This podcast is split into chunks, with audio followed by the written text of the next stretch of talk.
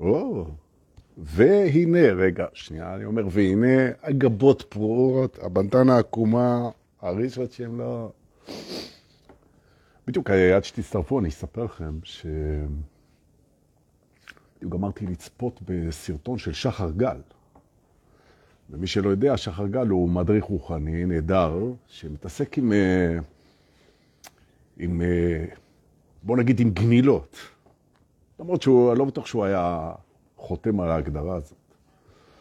אבל אה, יש לו תוכנית כזאת, יש לו קבוצה כזאת, שהוא מרכז סביבו שנקראת נקודת יציאה, והוא עובד עם אנשים שמכורים לוויד, למריחואנה, ובכלל, מכורים לכל מיני הרגלים שהם רוצים לצאת מהם.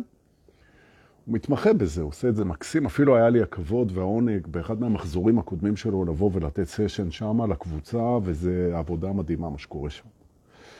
ואם אתם מכורים לוויד, וכל היום שלכם סביב עישונים אה, של ג'וינטים ובנקים והכול, אז שחר הוא לגמרי הכתובת, אם אתם רוצים לצאת מזה, ממש. ושחר, אם אתה רואה את זה, אז לא ישכוח להעביר לי את העמלה שלי, כן? של ה... האמת שזה לא המקרה. לצערי. נכון. אז קודם כל רציתי שתעקבו אחריו. והסרטון האחרון שלו, שזה מה שראיתי לפני שעליתי פה לשידור הבוקר, תכף אנחנו נתחיל את השידור שלנו, אני רק נותן לכם ככה יום שישי בבוקר, זמן להתארגן. אז אלה שהצטרפו עכשיו, שלום לכם, יום שישי שמח. היום אנחנו חמישה בינואר 2024, אפיזודה שלנו תהיה 249. נכון. וגל אה, מרקוביץ', שים לב שהפעם לא טעיתי בתאריך, כי הוא יושב עליי, נכון, לשמחתי.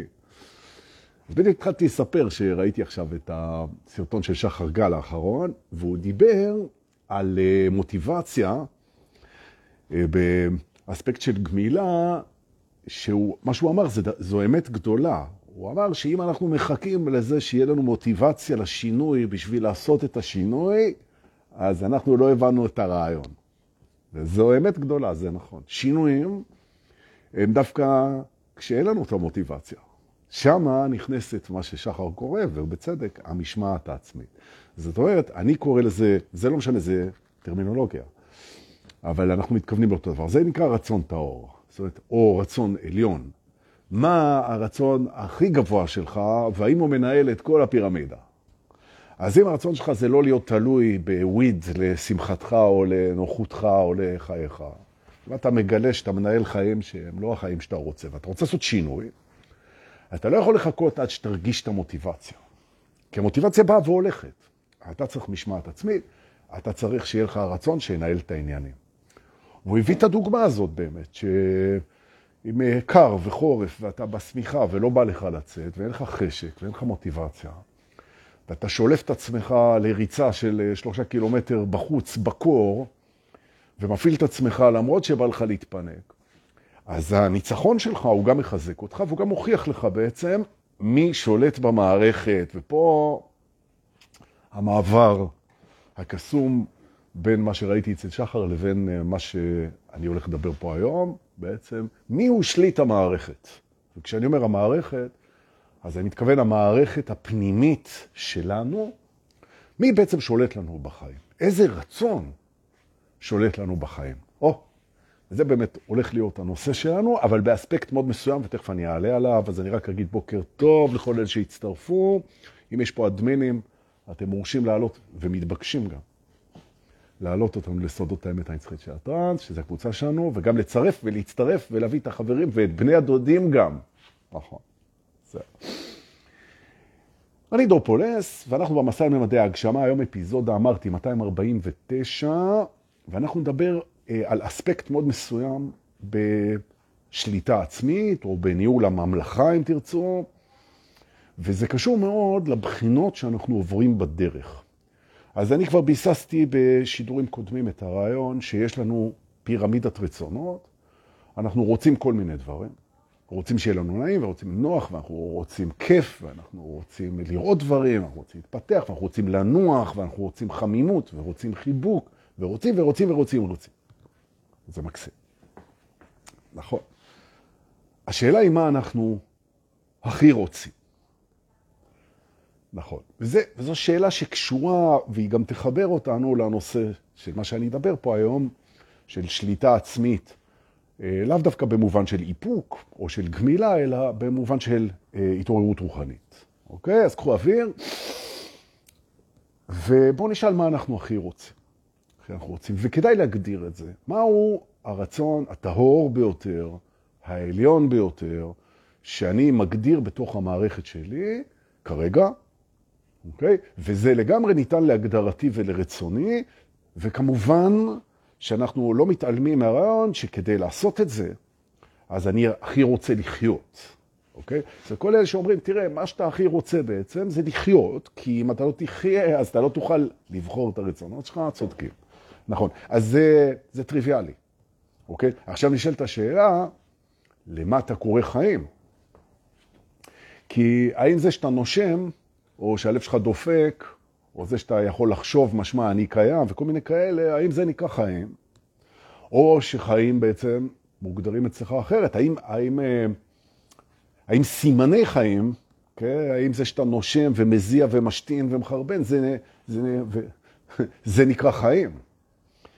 ובאיזשהו שלב אתה מגיע לזה שלחיות זה לא לשרוד. זאת אומרת, לשרוד זה דבר אחד, להתקיים כאילו. אז אה, אם אתה מתקיים כמו שיח פטל, כן, אז זה לא בדיוק חיים. ובאמת אנשים אומרים, אני אקרא, אומר בן אדם, אני אקרא לחיים שלי חיים כשיתקיימו מספר תנאים, וזה סובייקטיבי. יש בן אדם שאומר שבלי אהבה רומנטית, גישה איטלקית ספרדית כזאת, בלי אהבה רומנטית, חיים אינם חיים. יגיד uh, מישהו אחר שבלי uh, סיפוק בעבודה או ביצירה, חיים, בוקר טוב, חיים אינם חיים. Okay?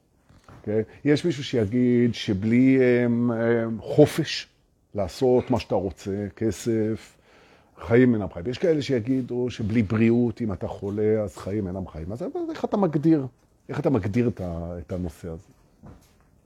זו שאלה שהיא בסיסית בדרך שלנו. היא בסיסית, שנשאלת השאלה איך אתה מגדיר את הדבר הזה של מה זה חיים. מה זה חיים? אוקיי. עכשיו, בואו נגדיר את זה פה רגע, הגדרה בסיסית שלנו פה לצורך הדיון, אתם תגדירו אחר כך, איך שאתם רוצים.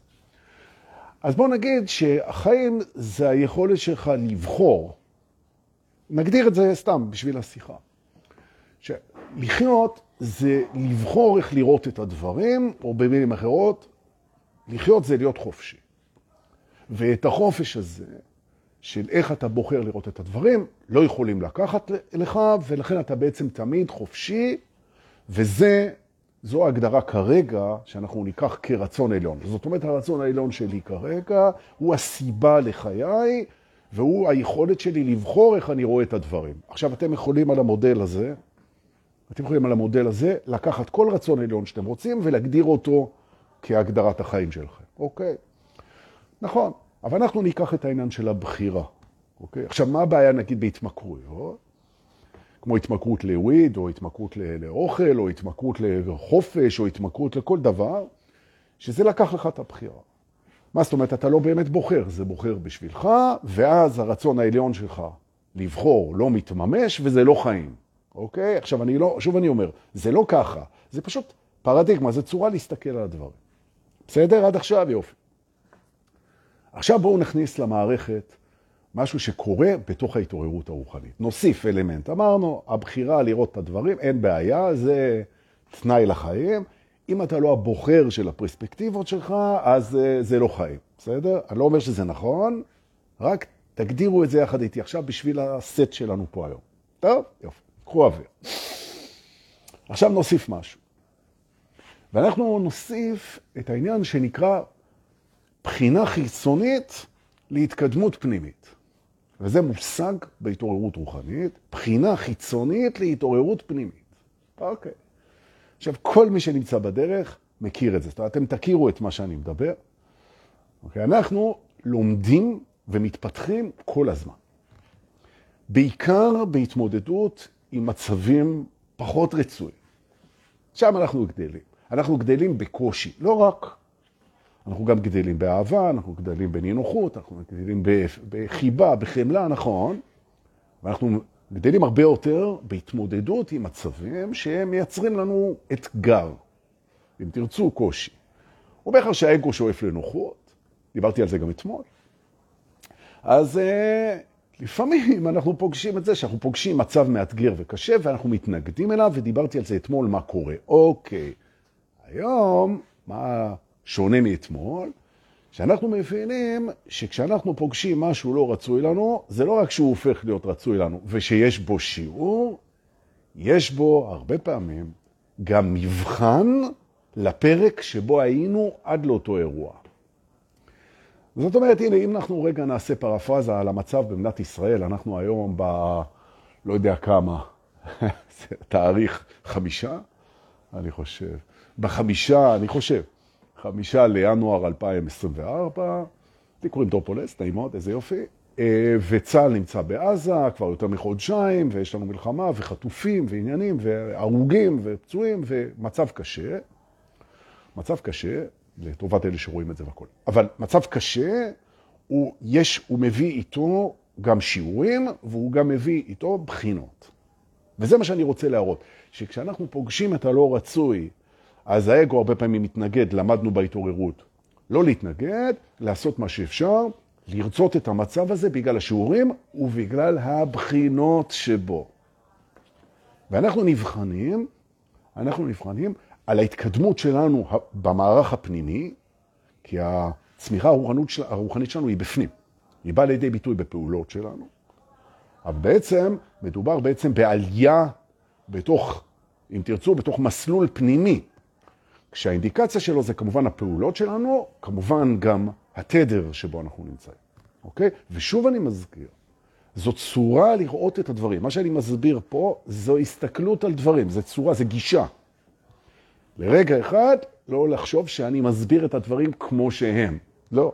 הסבר הוא אף פעם לא הדברים כמו שהם. הוא הסבר, הוא פרספקטיבה. אוקיי. ושוב אני אזכיר שפרספקטיבה נועדה להעצמה. אם מה שאני מסביר פה נבחן על ידיכם ואומר, בואי נא, זה מעצים אותי מה שדור לימד פה היום, אז אני שיחקתי אותה. ואם אתם בודקים את זה, וזה לא מעצים אתכם, זרקו את זה לזבל ואני אנסה יותר בפעם הבאה. סבבה? יופי. אז אמרנו, מפגשים עם הלא רצוי, עם קשיים, עם אתגרים, הם הופכים להיות רצויים כשאנחנו לא יכולים לשנות אותם בהתעוררות שלנו, ואנחנו רואים בהם אז שיעורים ובחינות. שיעורים להמשך הדרך, בחינות של מה שהייתה הדרך עד עכשיו. שימו לב להפרדה הזאת. הלא רצוי, מה אני יכול לעשות כדי לשפר אותו, מה שאני לא יכול לשנות אני רוצה, אני רוצה קודם כל כי יש פה שיעורים להמשך הדרך ובחינות למה שהיה, או אם תרצו, בחינות למה שהיה ושיעורים להמשך הדרך, לא משנה. אוקיי.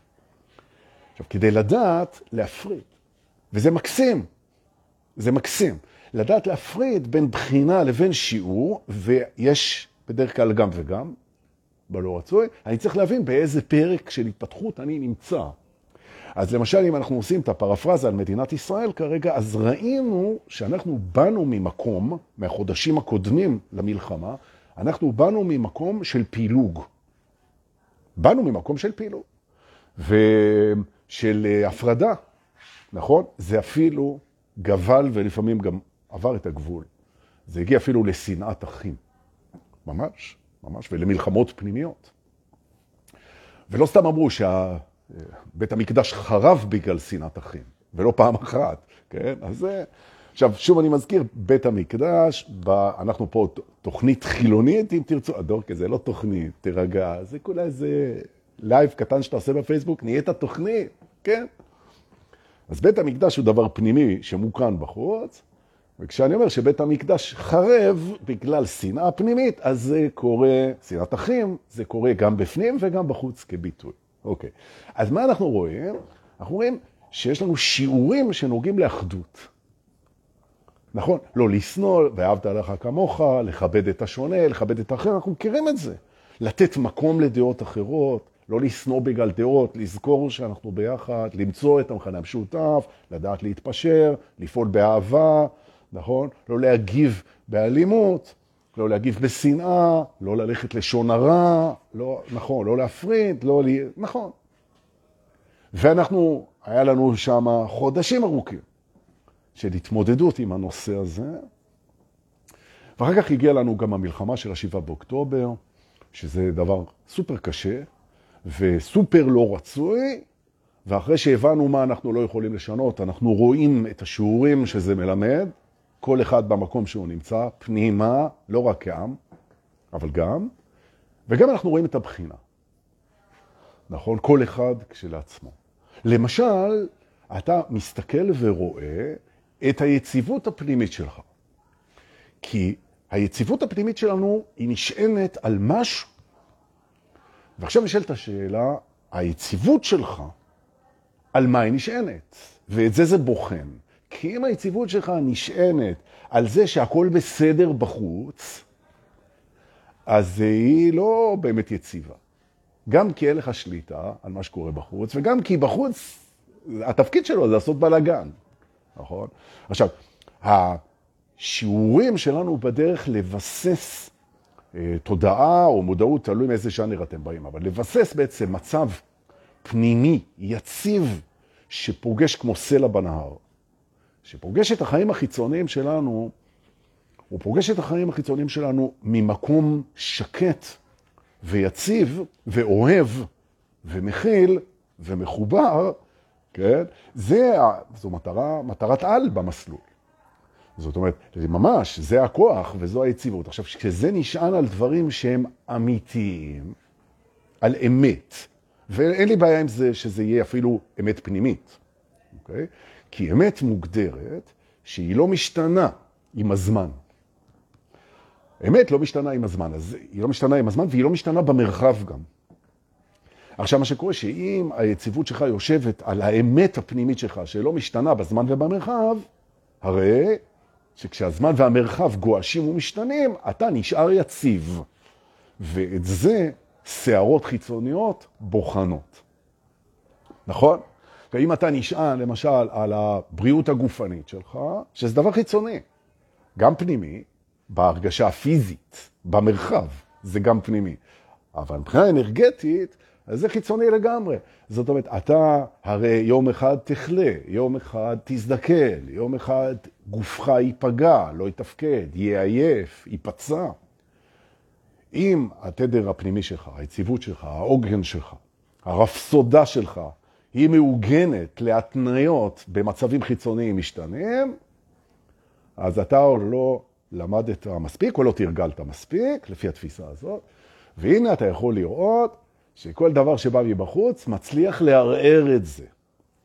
ולכן, התובנה המרכזית הראשונה שלנו פה היום, לקראת הסוף שבוע, טוב שבאתם, זה כשאתם פוגשים מצב לא רצוי מטלטל בחוץ, אז חוץ מלראות מה אפשר לעשות כדי לשפר אותו, וחוץ מלקבל אותו בלי התנגדות, וחוץ מלרצות אותו כשיעור, לרצות אותו כבחינה, והבחינה הראשונה, האם המערכת הפנימית שלנו, התדר הפנימי שלנו, העוגן הפנימי שלנו, נשאר יציב. האם הנשימה שלנו היא רגועה, ואין הכוונה למפגש הראשוני עם, הטל, עם הטלטלה. זה שפתאום פגשת בחוץ מלחמה או מחלה או חס וחלילה כל בעיה אחרת, זה לא אומר שבאינסטינקט הראשוני שלך לא התכווצת או לא התטלטלת או לא התבלבלת או לא נבהלת. זה בסדר, זה תגובה ראשונית, אינסטינקטיבית של המערכות שלך. לא על זה מדובר. מדובר בשוך, כשזה יורד, שוך ההלם הראשוני, האם חזרת ליציבות הפנימית שלך? זה, זה הנקודה.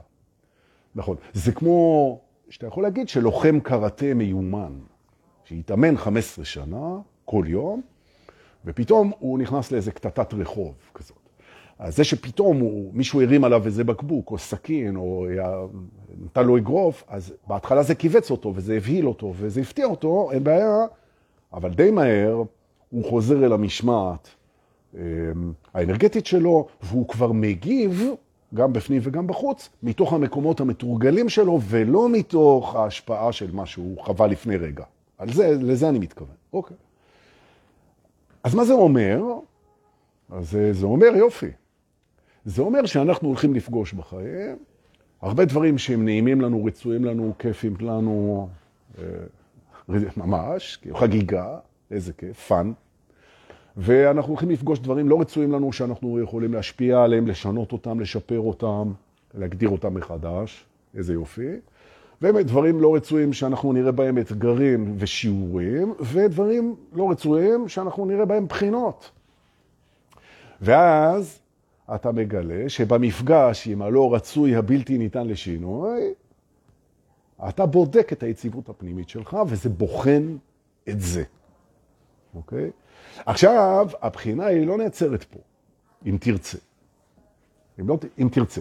כי מה שווה זה שאתה יושב ביציבות הפנימית שלך, אם הפעולה שאתה מוציא היא לא מובחנת בשלווה ובשמחה ובאהבה ובחיבור, שזו היציבות הפנימית שלך. זאת אומרת, יש לנו פה שלושה מהלכים.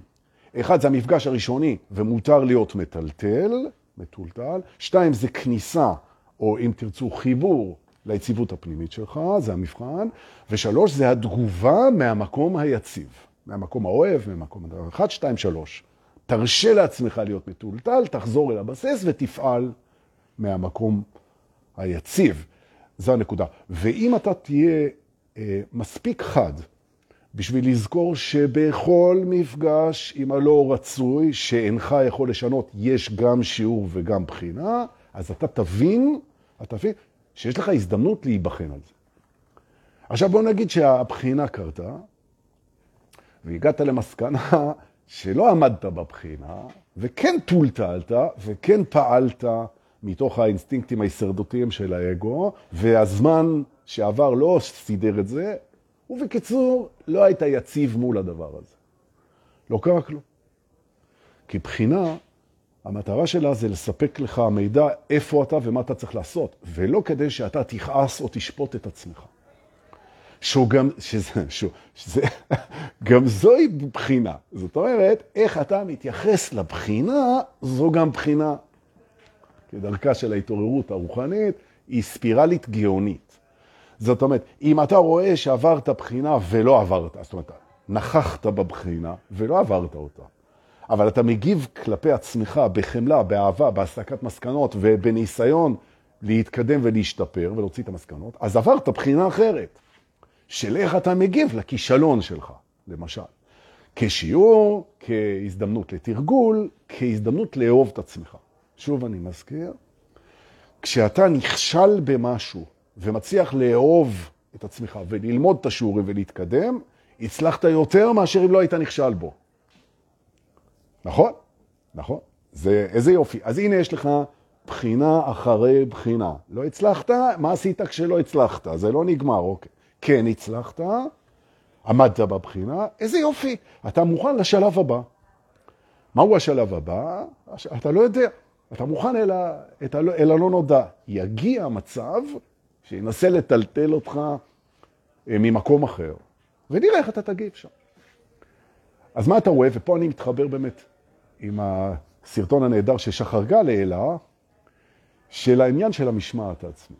כי המשמעת העצמית אצל המתעורר, היא יושבת בעיקר בתוך, בעיקר בתוך התפיסה הפנימית שלו.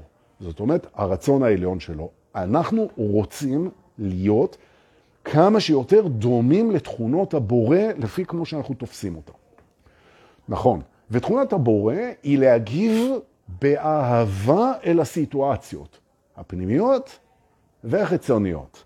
נכון. לא תמיד אנחנו מצליחים, בכל זאת, נכון, אנחנו מה שנקרא עוברים אלוהים, אנחנו עוד לא שם, אבל כשאנחנו לא מצליחים, אז נגיב לזה באהבה.